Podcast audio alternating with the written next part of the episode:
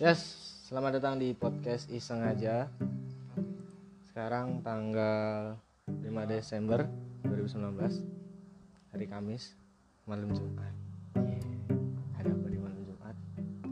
Nggak tahu ada apa Cuman di sini lagi ada Ada teman Jadinya mau rekam Obrolan-obrolan Sengaja direkam biar bisa didengerin Sama kalian-kalian yang mau pada dengerin Ada Siapa? Siapa? Kenalan dulu dong Oke, anggap aja saya temannya Dimas ya. Kenalin nama gua Taufik Eka Priyatna, sering dipanggil Taufik, sering dipanggil Eka. Ayo Parahnya lagi panggil Tayo. Ya. Tapi kalau lu mau kenal dekat nama gua, gua punya nama panggilan keren, panggil aja Pria. Oke, lanjut next. Karena cowok jadinya pria Kalau cewek tria eh.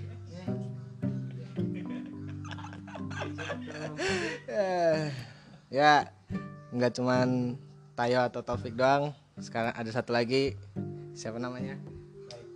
Perkenalkan nama pas lahir Dimas Purnomo. Kok sama? Baik. Sama. Dimas Purnomo karena gak doyan nasi diganti sama orang tua. Jadi Muhammad Bahyar. Setelah pacaran ganti lagi Abai, panggilan kesayangan. Nempel aja sekarang Abai, bukan Muhammad Bahyar. Jadi yang manggil Abai udah meninggalkan Abai Karena udah gak sayang Tak kenal sama kata sayang. Udah kenal? Dibuang. Eh, Udah Tadinya Tadinya mah di tempat makan Ngebaso Cuman berhubung berisik Jadinya obrolannya ditunda Ke kosan. Sambil nemenin Tayo nugas. Enaknya ngobrolin apa nih? biasa malam jumat kan ah tahu. Apa apa sinar rasul? Yang lain lah yang lain yang lain. Sinar rasul kan kita Oh kebetulan Ini saya kan deket kuburan nih, samping kuburan. Enak nih kalau yang horor. Ngomong-ngomong nih yang punya kosan gimana nih yang punya kosan ya Enak nih yang horor kayak gitu. Yang penting hayu Anti mainstream. Luncur Yang kita mah ayo muncul Jadi karena dua orang ini sudah banyak mengalami hal-hal yang tidak seharusnya dialami. Mari kita mendengarkan ya. Tayo dan Abai menceritakan pengalaman-pengalaman seputar hal-hal yang berbau asem. apa nih ya, oke Bau mistis maksudnya. lu mau nanya apa Jeng jeng jeng jeng jeng. lu mau nanya apa di Eh, apa aja ya? yang Yang- penasaran deh apa deh Enggak, gua kan gue sendiri kan belum pernah ngerasain nih. Kan jadi gua lu kan biasalah namanya juga pergaulan. gue sendiri belum pernah ngerasain gimana sih rasanya atau belum pernah ngala- ngalamin apa pun itu yang berbau dengan mistis. Menurut gua hidup gua terlalu aman jadinya nggak nggak ada tantangan. Jadi gua gua mau nanya sebenarnya apa aja sih yang udah lu alamin dan gimana caranya lu bisa ngalamin apa cuman datang tiba-tiba apa, apa emang lu sengaja nyari gitu gimana nih Om? jadi gua awal mulanya kayaknya ini mah gua buah jatuh itu tidak jauh dari pohonnya. Ngerti lah? Ya. Ya istilahnya dari orang tua gua lah. Dari orang tua gua dari yang bahkan yang dari dulu dulunya itu ya dengan hal mistis sudah udah kayak hal biasa. Udah lekat ya? Walaupun gua gua sendiri nggak pernah belajar tentang hal itu nggak pernah nyari nyari tapi entah kenapa secara tiba-tiba ada aja yang ya yang menghampiri gitu. Mau contohnya? Ya coba ya dong Ya. ceritain kalau nggak ada contoh mah ya gimana ya? Dulu zaman gua masih SMP nih gua benar alhamdulillah anak soleh ya alhamdulillah bukan soleha.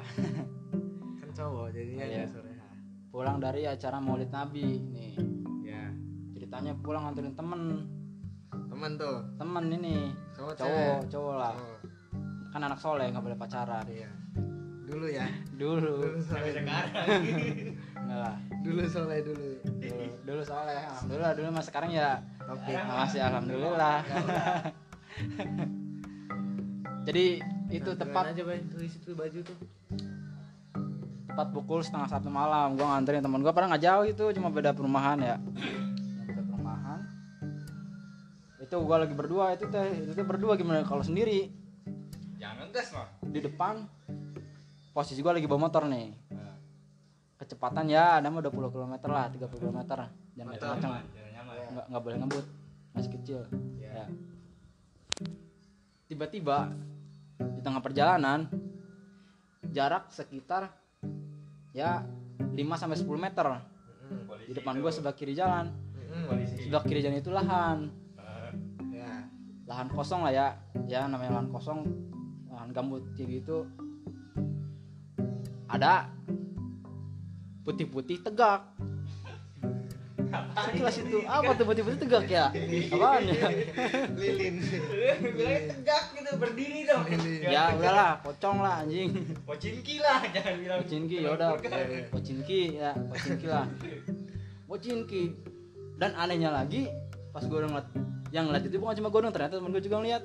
Ya. Loh ya masih percaya dong berarti lu nggak ngalamin sendiri? Berarti ini gimana? baru salah satu baru Ah. salah satunya. Iya ya lanjutin dah lanjutin. Ini baru salah satu ya. Hmm. tapi lu pas lihat pocong otomatis otomatis lu itu ya kaget atau apa? Ya. Apa yang lu rasain tuh? Nah yang gua aneh itu pocong. Eh, ngeliat gua dia langsung kabur. Ya kaburnya juga kelihatan nama gua sendiri. Ah, loncat loncat loncat plus hilang nggak tahu ke mana. Ya gua mah gua sendiri awalnya kaget gua kaget tapi gua hmm. ya anu mah kan anak soleh ya itulah. Bukannya sombong ini mah. Ditekenin terus ya anak solehnya ya. Bukan sombong ini mah bukan sombong ya. Nah karena temen gue yang di belakang takut Nah, tangan gue ditarik ke bawah jadi gasnya jadi kenceng jadi weh gue ikutan kenceng. dua-duanya lihat semua. Bodohnya lihat itu itu baru salah satu contoh kecil. Contoh besarnya lagi. Ini gua ngalamin sendiri berdua sama bapak gua ya. Ini berdua ngeliatnya juga berdua ini mah. Bapak Ya. lu sendiri? Bapak gua sama gua juga ngeliat. Nggak bapak lu kandung tapi. Bapak kandung ini bapak kandung. Berarti berdua. Satu lu satu bapak lu. Berdua itu. Satu bapak gua. Dua gua. Tiga kabur. Kayak double aja. Ayo ini Ya. Nah itu gua ceritanya mau main ke salah satu teman bapak gua yang letaknya itu di daerah Subang namanya itu Ciasem lah ya. Daerah sekitar Ciasem itu di situ emang daerahnya itu rada terpencil desa lah. Dan jalan itu ada ya lewatin kali dulu. Nah di situ itu jembatannya itu bukan jembatan biasa jembatannya jembatan bambu dari bambu. Jembatan bambu itu kan posisi udah dijemput sama teman bapak gue ya. Bareng tuh teman bapak gue di depan gue semotoran bapak gue di belakang. Anehnya yang temen apa namanya teman bapak gue mah lewat biasa aja jembatannya. Biasa aja. Lu lewat jembatannya. Gua sama bapak gua tiba-tiba ya sebelum itu udah ada sosok dulu tuh sebelum sebelum ini teh. Sosok apa tuh? Nah itu nggak bisa dijelasin gua ikut merinding ini gua ceritain lah ceritain nggak bisa. yang lu ceritain juga ikut nimbrung di sini sebenarnya. Iya. Pasti pasti itu. biasanya kayak gitu. Udah anehnya pas udah baru masuk ya mungkin salahnya juga sih. Kayaknya gua sama bapak gua kurang permisi permisi lah bahasanya ya. Udah sampai tengah jalan goyang jembatan digoyangin. Aneh kan itu gua. Astagfirullahaladzim Allahu Akbar kata bapak lu nyetel lagu kali? Iya kayaknya goyang jadinya ya. Heeh. Ya udah. Nah posisi di awal itu tuh gua sama bapak gua diem dieman dulu. Seolah-olah nggak terjadi apa-apa. Ngambek kali ngambek diem dieman Nah, setelah pulang dari itu baru di jalan. Baru kita wah iya ya kenapa kayak gitu ya? Oh iya bersalahnya kayak gitu tuh nggak permisi permisi dulu. Nah jadi pesan-pesan buat kalian semua ya. Yang mau. Yang mau berkunjung ke mana pun yang ingin bersilaturahmi bermain ke mana pun yang ke tempat yang belum pernah lu Ya. kunjungin yang belum pernah lu tahu di di diharapkan. Diharapkan. Ya, mengucapkan. Assalamualaikum. Warahmatullahi wabarakatuh. Pokoknya permisi permisi lah. permisi kepada yang punya wilayah baik itu yang nyata maupun yang tidak nyata. Kan kita juga nggak tahu. Iya. Percaya tidak percaya ada seperti itu. Oke ngomong-ngomong gua mau itu dari Tayo. Dari topik. ya. Ayo. Dari topik. Si anak soleh. Si anak soleha. Itu itu lu umur berapa yo? Kira-kira yo? Itu zaman gue SMK kelas 3 tiga ya. Ya masih 19 tahun lah. 11 17 tahun. Iya masih imut-imutnya nah itu ceritanya si Tayo. Topik. Iya tapi iya iya Tria punya selera siapa tuh? Cowok. Tria tuh cowok ya. Bohong ah. Terus kalau Abe gimana nih Bay? Jadi lu ada cerita apa aja Bay? Lu kan orang Itu Cirebon nih Cirebon. Cirebon.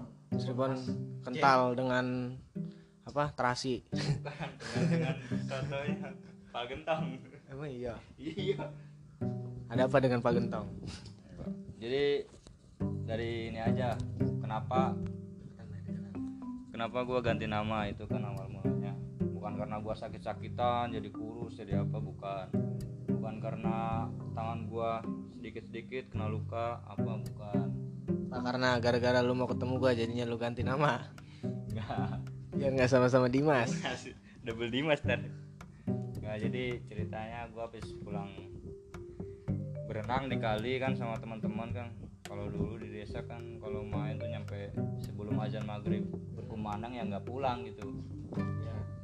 Pas sudah azan pada pulang kan mau masuk rumah di depan ada selokan lah kecil setengah meter. Di sampingnya tuh ada yang bersinar warna merah itu. Tempatnya di rumput itu tuh. Saya samperin kan Pokemon bukan adudu Pokemon Go pas saya samperin kan kok kayak kaleci gitu ya? Apa tuh Kaleci? Kaleci. Apa? kelereng ya? Kelereng. Temennya Kaloco. Ini. Ada itu kayak kelereng kan warna merah kata gue tuh ini. Ada baterainya apa apa ya gue ambil mandi tuh. Mandi bareng sama saudara gue kan cowok. Coba baik. Iya masih umuran sunat berarti? Udah. Sunat gue udah dari kecil. Katanya nugas malah nonton live. Pas gua mandi kan batunya lepas masuk ke bak mandi. Di situ kamar mandinya ya nggak terlalu terang sih redup gitu. Pas lagi mandi kan kok airnya jadi merah kata gua tuh. Teman gua langsung kaget kan langsung keluar dia mah manggil ibunya nah gua langsung masukin tangan ambil lagi batunya. Takut tar jadi apa-apa kan sama saudara gua. Terus pas gua masuk ke kamar kan gua kasih tahu ayah gua pak ini kok gua nemu batu. Cuman kalau di sini mah nggak nyala tapi di kamar mandi mah tadi nyala dipegang sama ayah gua kan langsung dilemparin lagi. Tahu taunya tangannya kebakar kayak ke sundut rokok. Ah masa sih? Masa kebakar? Ah bulat pas gua ambil kan bapak gua heran. Kalau gua yang pegang biasa aja pas bapak gua kok ada berkas kebakarnya gitu. Besoknya kan gua tetap disimpan kan batunya tuh di lemari. Besoknya gua cerita ke gua gua. Gua tuh apa gua? Banyak yang nggak tahu gua soalnya. itu kakak dari orang tua kita. Teman. paman lah kalau bahasa Indonesia nya gua itu ceritain kan gua nemu batu pas maghrib depan rumah. Terus sama gua gua juga yang pegang itu nggak nggak dilempar sih cuman pas dipegang itu muncul asap di tangannya. Bakar juga berarti? Ya cuman nggak ada bekas kebakarnya kalau gua gua. Dia kan juga istilahnya punya ajian sendiri lah. Iya. Pegangan sendiri jadi ya ada pelindungnya mungkin. Hmm. pas di situ dia ngambil dompet kan ada tisu ditaruh di tisu dilipet masukin dompet. Terus dia nggak tahu baca apa baca mantra atau ataupun nyanyiin Nina Bobon dan tak nggak tahu kan. Pas dibuka lagi dompetnya tisunya dibuka lagi kan hilang batunya tuh nggak tahu ke mana itu. Gua lihat sendiri dengan dua telinga dua lubang hidung dua mata gua. Komplit berarti. Komplit sama satu mulut gua. diajak. enggak lah jangan lah. Kok hilang kata gua tuh ya? Gua nanya kan. Itu kemanain batunya cina udah dibalikin lagi sama yang punya kata gua. Siapa yang punya? Cina gua kan yang nemu cina. Ada sosoknya cewek. Tingginya bukan kayak orang normal. Istilahnya 2 meter ke atas lah. Terus bajunya juga mewah tapi warna merah semua bukan kuntilanak bukan. Kayak sosok enggak. Kayak sosok ratu kayak gitu. Terus gua tanya kan tujuan maksud dia istilahnya gua yang nemuin gua yang pegang nggak kenapa-napa itu apa ya? Jadi dia tuh pengen sebenarnya pengen ngejaga gua pengen ngelindungin gua. Dia tuh istilahnya suka lah sama gua pengen jagain gua. Si sosok merah tadi. Ya yang entah nggak tahu namanya siapa nggak nggak ditanyain. Istilahnya baik cuman kata gua du- dia kan istilahnya tahu penglihatan juga ke depannya gimana kan. Kata uwa gua gua nantinya bakalan disalahgunain itu tuh kekuatannya. Istilahnya kekuatannya ntar entah dibuat sombong atau dipamer-pamerin. Nah dia takutnya kebablasan. Makanya mendingan dibalikin lagi ke yang punya udah. Di situ juga gua posisi belum doyan makan makan nasi. Nggak tahu gua takut sama nasi dari kecil. Sekarang sekarang sekarang merampus ya nambah di kantin juga. Oh iya, abang bener ya.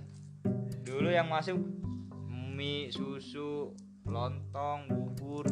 Cuman yang berbentuk nasi gua langsung nangis gak tahu pas setelah itu yang pas kejadian batu gua langsung ditakut-takutin sama uang gua kesempatan kayaknya. Dia bilang gini lu kalau misalnya nggak doyan nasi sekarang nih dia bakalan nyamperin lagi lu di akhirat. Mau bawa lu dia bawa nasi segede beduk masjid ditimpain ke lu gara-gara gak doyan nasi cina itu tujuan utama dia katanya. Bener juga ya. Anjir kata gue gue mau gak mau ya. Yaudah nih ada uang 7500 makan nasi ya buat nyogok gua. Oh, Disogok. disogok ya? makan nasi aja disogok anjir. Disogok harus makan cina. Ya gua mau gak mau orang gua takut umur 7 tahun itu. Makan tuh pertama kali pakai sop sama kecap. Itu juga posisinya keringet dingin kayak yang apa ya makan nggak tahu makan apa sampai dimutahin lagi tapi ditelan lagi. Semenjak itu gua Doyan nasi. cuman dengan catatan pas dulu mah kalau nggak pakai kecap itu nggak nggak masuk ke ke perut dimuntahin lagi. Tapi semenjak berjalan waktu udah biasa biasa. Sekarang apa aja dimakan? Iya. apa aja sekarang? Kecuali jengkol yang pete ya Ya. Itu. Itu kejadian. Enggak. Ah Gua gua enggak. ganti nama tuh? Gua nggak nggak doyan jengkol nggak doyan pete orang mana pun. Mau orang Jawa, orang Sunda, orang Batak, Betawi.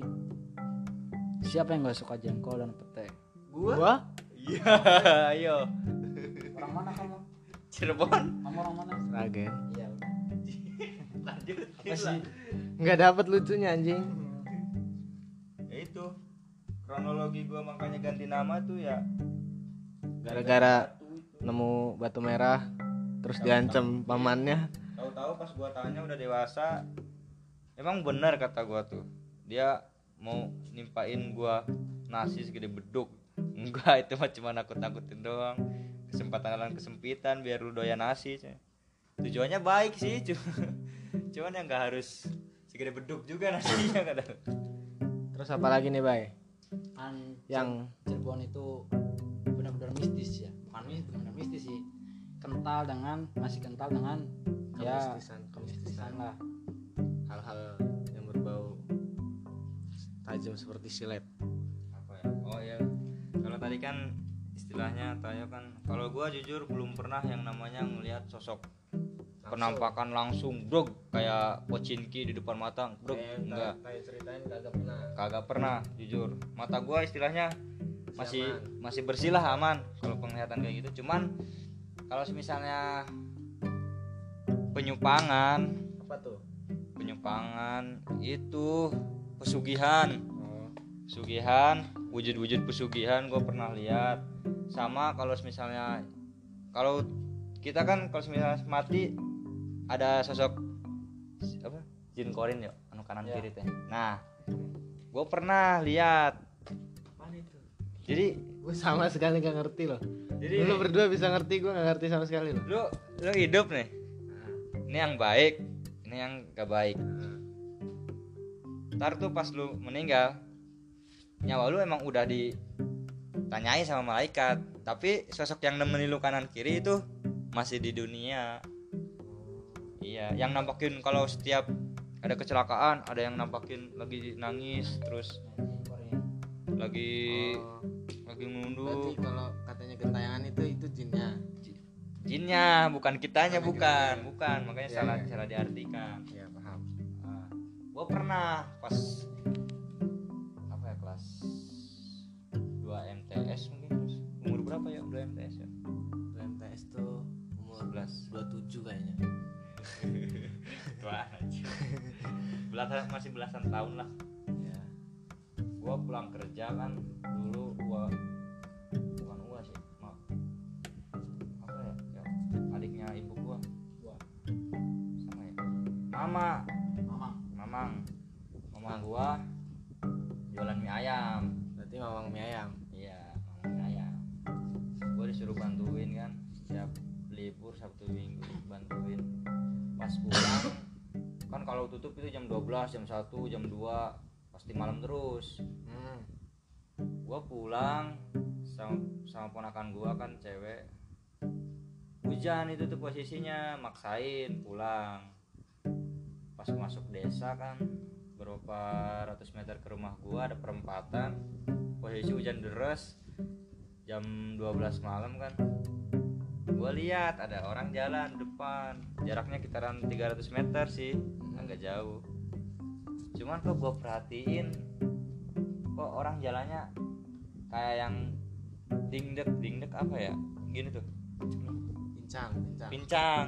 Cuman bagian kanannya doang yang pincang. Ya gua liatin gua juga masih jauh ke Lu sendiri tuh, sendiri? berdua sama yang ponakan gue yang cewek itu. Oh, ya masih jauh ke perempatan tuh. Gue lihat itu kok orang ada ya yang pincang tengah malam jalan hujan-hujanan. Kalau gue kan wajar naik motor gue ngedeket dia ngedeket perempatan juga. Dia jalan gue naik motor kan. Posisinya pas sudah jarak 100 meter. Ada genangan air sih cuman gua nggak tahu dia ngelayang ataupun napak. Gua nggak tahu nggak lihat kan. Posisi hujan juga mata gua perih. Gua liatin kok makin deket aja tadinya gua mau ngambil jalan yang lurus jalan yang biasa. Cuman kebetulan ada dia nih nggak tahu dianya siapa itu. Dianya anjir.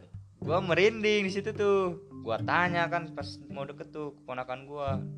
Gua lihat lu lihat gak itu orang yang di depan? Siapa? kata gua tuh. Perasaan di desa ini nggak ada yang jalannya kayak gitu kata tuh. Pas ponakan gua lihat kan nggak tahu kenapa dia langsung histeris nepuk Teriak. pundakku nah teriak. Ayo cepet cepet. Ah cerah ayo cepet cepet cerah pulang pulang. Dia nggak berani ngeliat lagi. Dia nunduk terus. Gua kan panik ya. Gua digas. Oh di situ mulu pas dia panik tuh. Anjing kata gua. Nih gua udah ngegas apa belum? Gini gini tuh. Diam itu lu. Gak bisa gerak. Posisi bukan motor diem. Kalau motor diem mah jatuh kan. Itu motor tetap Oh. jalan cuman pelan. Oh iya iya. Ah, anjing kata gua tuh ini. Gigi gigi dua kata gua tuh. Gua liatin kan gua keinget. Bismillah. Bismillahirrahmanirrahim.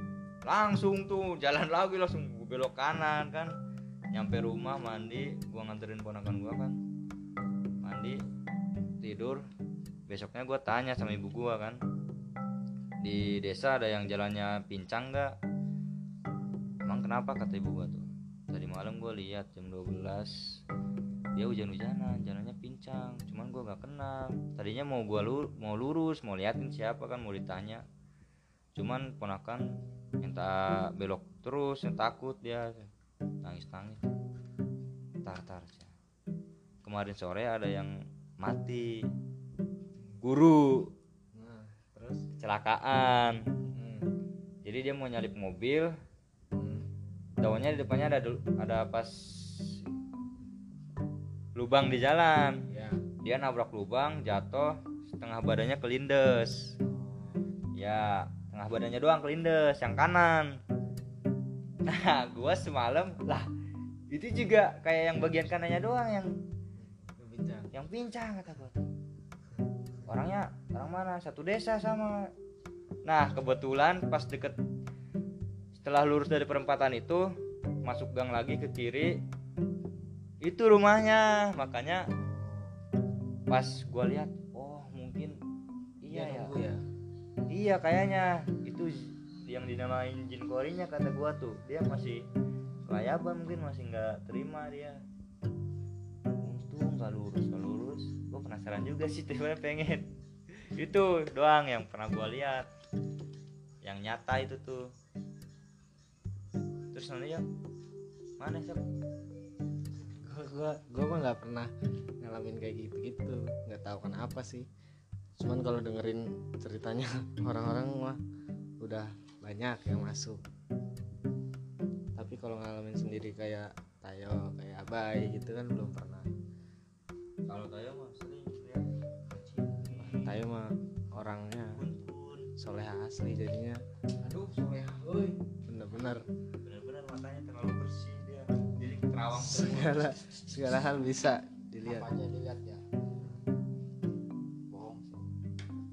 Apalagi yo? Itu atas izin Allah subhanahu wa taala. Berarti lu diizinin buat ngeliat kayak gitu. Tapi yang orang bisa ngeliat kayak gitu sebenarnya harus dirukiah yo. Jangan gua nggak tiap hari bay. Gua mah sesekali doang. Lu lihat bajai. Siapa bajai? Siapa bajai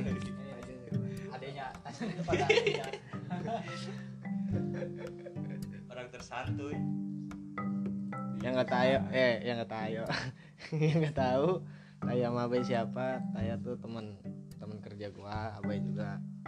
Teman kerja gua di gue PT paling tua. Di PT iya Abai Abai paling tua. Mungkin banyak lagi ceritanya dari Abai. Apa ya? Lu deh mau nanya apa dah apa ya? Bersambung. Jangan. Biar penasaran. Bersambung ke Kamis depan. Oke. Biar penasaran deh. kalau Sebenarnya- misalnya gue tuh mau nanya Ade sebenarnya tapi Ade nggak nggak mau ke sini dia tuh orang Lampung. Kan kalau kayak orang Jawa Jawa kayak gini kan udah udah udah apa ya? Biasa. Udah banyak yang tahu lah. Kalau orang Lampung kan kita jarang ke Lampung. Kalau orang Jawa kan banyak didatengin banyak juga yang rantau. Kalau orang Lampung datang ke Jawa kan jarang-jarang gitu. Pengen tahu aja gimana sih kehidupan dia kecilnya tuh di Lampung. Apakah semewah di sini atau malah terlalu pelosok Lampung tuh? Tapi adanya nggak mau. Lagi bekam kepalanya. Horor gue sering dengerin dari gua gua dari ibu gua kadang pokoknya dari keluarga gua kalau lagi ngumpul tuh pasti nyeritainnya horor gitu karena seru gitu bisa tahu pengalaman orang lain gitu. nah itu sebenarnya inti dari podcast iseng aja ini dibuat tuh biar lu yang belum pernah ngalamin biar tahu apa yang udah jangan sampai Ya, orang ngalamin. Iya. cuman ya tahu Ya, tahu boleh. Tahu boleh soalnya manusia itu nggak bisa ngerasain semua masalah tapi kalau dengerin masalah orang bisa kan jadinya bisa buat pelajaran gitu. Intinya sih gitu. Makanya pot obrolan ini sengaja direkam biar kalian-kalian semua bisa dengerin. Ya yang takut mah dengerinnya berdua. Tapi jangan sama? Bulan sendiri atau? Kita semua aja belum eh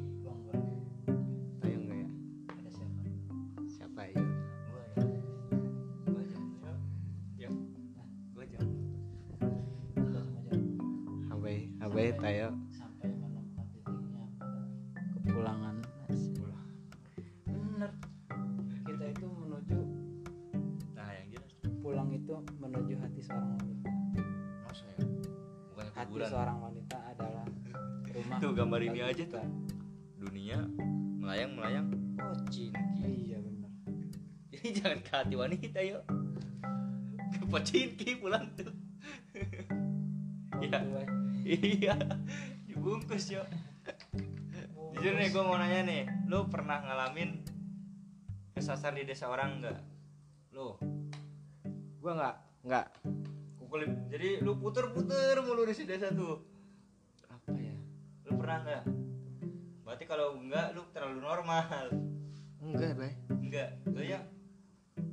Emang lu pernah bay? Nggak pernah. Serius yo nyasar. Jadi nyasar sampai muter-muter terus mah nggak pernah bay. Nah, nyasar paling gua kan malu bertanya sesat selamanya sesat di jalan cok. Iya gue tahu istilah itu kan. Ya gue pernah. Waktu itu pas mau mancing sih istilahnya gue nggak niat juga di diajak terus sama ponakan gue ayo mancing ayo mancing. Ponakan gue jaraknya jarak umurnya beda tiga tahun sama gue lah. Mancing tuh pagi kan pagi belum berangkat.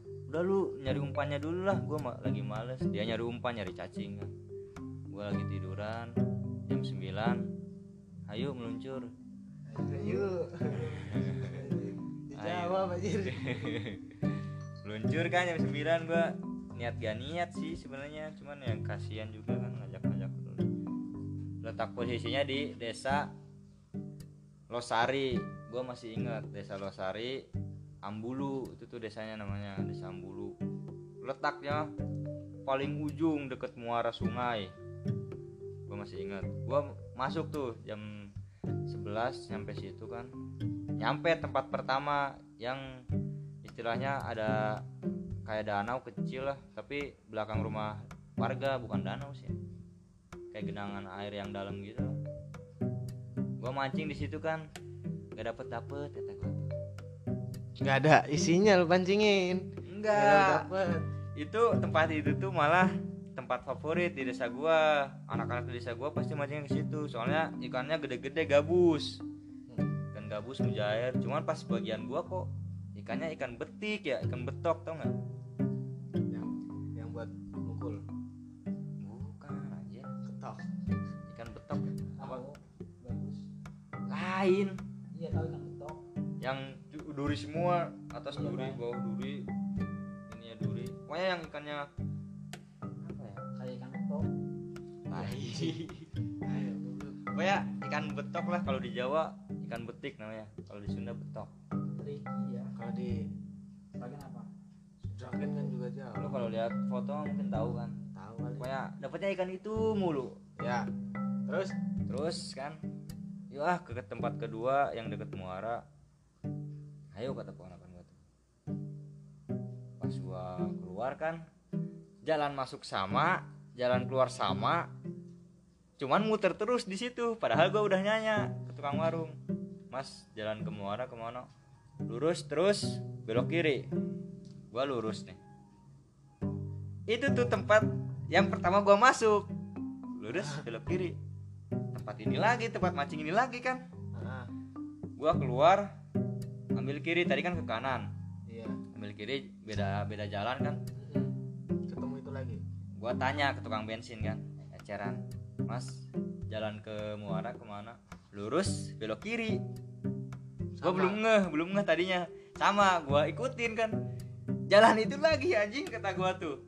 Gua masih inget pokoknya sampingnya tuh kayak ada paving block gitu yang jadi di di semen sampingnya tuh tebing di semen. Iya ya kok ini lagi kata gua tuh. Pas ketiga kali masuk pasar. Tengah pasar gua itu tuh tengah pasar. Gua naik motor bawa pancingan. Gua nanya di situ bu jalan ke muara ke mana? Oh adek lurus ya. Belok kiri. Belum belok kanan lurus lagi belok kiri. Gua ikutin tololnya. Sama juga. Pas keluar lah ini tembak ini lagi kata gue tuh. Udah gak bener udah udah. Kata gue kan panik ya sama ponakan gue ini gimana kata gue tuh? Tadi lurus belok kiri lurus belok kiri. Sekarang lurus kanan lurus belok kiri kata gue tuh. Ini ada yang aneh kata gue tuh. Udah pulang pulang. Udah nggak jadi mancingnya kan. Oh lu itu baru mau berangkat? Gue udah berangkat ke tempat pertama. Cuman nggak ada nggak dapet apa-apa. Cuman ik- ikan itu doang ikan pindah betok. pindah berarti itu mau pindah ke yang mau deket muara yang ikannya ikan gabus cuman gede-gede. Ukuran sekilo lah. Cuman kesesat. Nah pas mau ke tempat itu kesesat. Gua kan mikir ya iya mungkin gua belum permisi ya masuk ke desa ini. Kan desa orang kata gua. Dalam hati gua gua baca bismillah tiga kali nggak napas. Udah gua mau pulang nggak jadi mancing maaf kalau misalnya kelakuan di sini ada yang salah ataupun apa yang menyinggung hal-hal yang lain kan? Hmm. gue minta maaf gue baca bismillah tiga kali dah. Tuntunin gue jalan pulang. Yes. Langsung. Sampai rumah. Keluar jalan pantura. Langsung itu. Langsung nggak nggak pakai ini lagi tadinya sebenarnya. Pas mancing juga sebenarnya ada hal aneh gue tuh. Apa tuh jadi gue pas mancing ada orang ya maaf ya agak gila lah kayaknya. Dia duduk di jembatan. Dia liatin gua mulu tatapannya tatapan marah kata gua tuh. Hah? ya orang kenapa? Kata gua tuh. Sambil nunjuk nunjuk gua.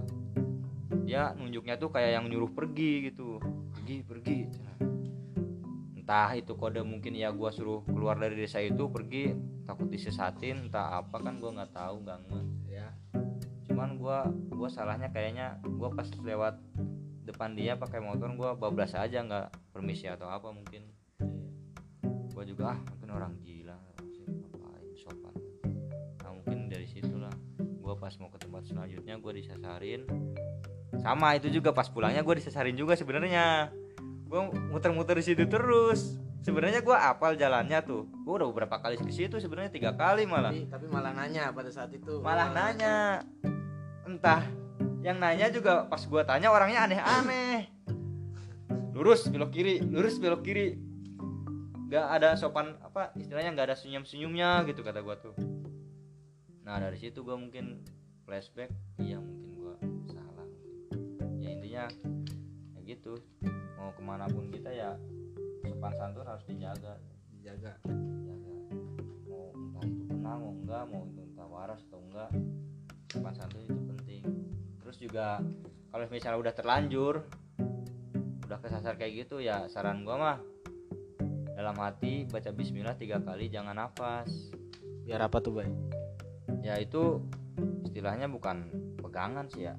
Nasihat dari orang tua gua dari uwa gua dari kakek gua dari saudara gua Bismillah tiga kali jangan hapus itu nyelamatin diri kita. Jadi ada yang ngebentengin. Lu mau mau jalan jam berapapun mau keadaan kondisi mau siang mau malam entahlah yang banyak setan atau apa pasti aman istilahnya. Gue juga sampai sekarang juga gue masih lakuin entah mau kerja mau keluar rumah mau keluar kontakan mau ngapain pulang kampung tetap gue lakuin Bismillah tiga kali. Alhamdulillah sih gue mau gue dulu sampai jam 8 pulang dari Cikarang. Jam 12 gue masih di Indramayu. Jam 4 gua baru nyampe kampung. Alhamdulillah nggak nggak adanya nama begal atau kecelakaan di jalan ataupun meskipun itu posisi gua sendiri pulang kampung tuh. Yang namanya ngantuk pasti ada. Gua pernah gua berangkat Bismillah tiga kali ngantuk naik motor tidur posisi sadar gak sadar tidur dah mana ada naik motor tidur. Ih lu belum ngerasain ya? Kalau micro sleep ya anjir. Bahasanya micro sleep Ya, sleep gitu doang sleep gitu doang gue pernah ngerasain kalau sampai naik motor sadar nggak sadar gitu mah. Gue pernah sering malah sadar gak sadar. Gue ngantuk ya. Ya itu memang bukan microslip mungkin. Cuman ya microslip mungkin jaraknya satu meter 2 meter. Ya ya harusnya gitu bay. Kalau udah sekilo dua kilo mah nggak normal Bay. enggak sampai sekilo 2 kilo. Cuman kalau misalnya sampai 100 meter nggak wajar lah. Gue pernah gue lihat apa ya depannya itu 300 meter lagi lampu merah. Kelihatan kan jalan lurus Indramayu. Gua gua tidur nih. Gua tetap genggas ini tuh pas berhenti gua kaget. Lihat lampu depan mobil gua langsung repek ngerem. Lah kata gua tuh kok udah di lampu merah? Perasaan gua tadi masih jauh lampu merah kata gua tuh. Lu gonceng kali, Bay. gua sendirian itu. Gua kalau pulang sendirian soalnya nggak ada yang bareng sama gua sih. Banyak kan orang Sukabumi Bandungan nah itu mungkin misalnya dipakai Bismillah tiga kali ya Alhamdulillah selamat meskipun ya gua tidur ya mungkin kalau misalnya gua ngebet Bismillah dulu gua bisa kecelakaan mungkin ya. Ya, intinya itu sih saran dari orang tua gua lu mau ke mana mau dalam kondisi apa pun. Bismillah tiga kali nggak napas ya. Tiga kali gak napas. Tuh insya Allah selamat. Perjalanan mau pulang mau berangkat. Mau dalam keadaan sendirian mau 2 pagi jam 4 pagi banyak begal banyak kun-kun banyak pocinki udahlah pokoknya banyak halangan rintangan dah. Aman. Saya ada apa lagi, yo? percaya gak percaya? Kalau gua mah empat- nggak kerasa kan? 41 menit lu ngoceh. sebenarnya masih banyak sih cuman Kalau gua mungkin gara-gara gua kecil di Tangerang Selatan kali ya. Enggak enggak di desa. Terus keadaannya nggak terlalu semistis itu. Jadinya jarang ngerasain kayak gitu-gitu sih. Mungkin kalau gua di kampungnya bapak gua di Madiun Jawa Timur itu mungkin bisa beda lagi lah. Rasanya dan auranya kan juga beda pasti. Udahlah udah 41 menit. Ya, kita intinya- bertiga menemani anda. Apa ada pesan dan kesimpulannya? Gimana nih yo jadi jangan lupa berdoa. Yang keras lah. Jadi jangan lupa makan jangan lupa minum. Lu mau ngawur anjir. Ntar tipes kayak tayo. Lu ngikutin orang lain lu. Masuk ICU UGD unit gila darurat. Apa bay? Simpulannya bay? Lu tadi ngoceh banyak banget bay. Jadi kalau misalnya menurut lu itu positif buat lu ya ambil. Kalau misalnya itu ah apa sih itu omongan apaan? Ya udah abain aja. Ini kita juga nggak cuma berbagi. Iya. Kita juga nggak terlalu harap lu dengerin anjing ini berbagi cerita aja. Karena gue sendiri juga belum pernah ngalamin hal-hal kayak gini kan. Sedangkan Tayo dan Abai kelihatannya udah terlalu sering sampai bosen. Tapi jujur kalau misalnya tiba-tiba ada pocin ke depan gua tetap gua lari. Katanya. Katanya kalau orang ngeliat kayak gitu malah nggak bisa ngapa-ngapain. Sampai lanjutin gak nih? Jangan jangan. Jangan aja lah. Sampai ya part 2 Kalau- anjing kayak beneran aja part 2 iya nggak apa-apa lah. Soalnya kalau misalnya lu tadi nanya lemes atau nggak ngapa-ngapain sebenarnya itu salah sih. Terus yang bener apa? Tunggu aja besok. Tunggu aja. Podcast iseng aja. Hari Kamis. Ini hari Kamis tapi nggak tahu mau diuploadnya hari Kamis depan apa sekarang yang penting udah direkam dulu aja. Apa nih jadi? Judulnya apa nih? Paranormal experience. Ini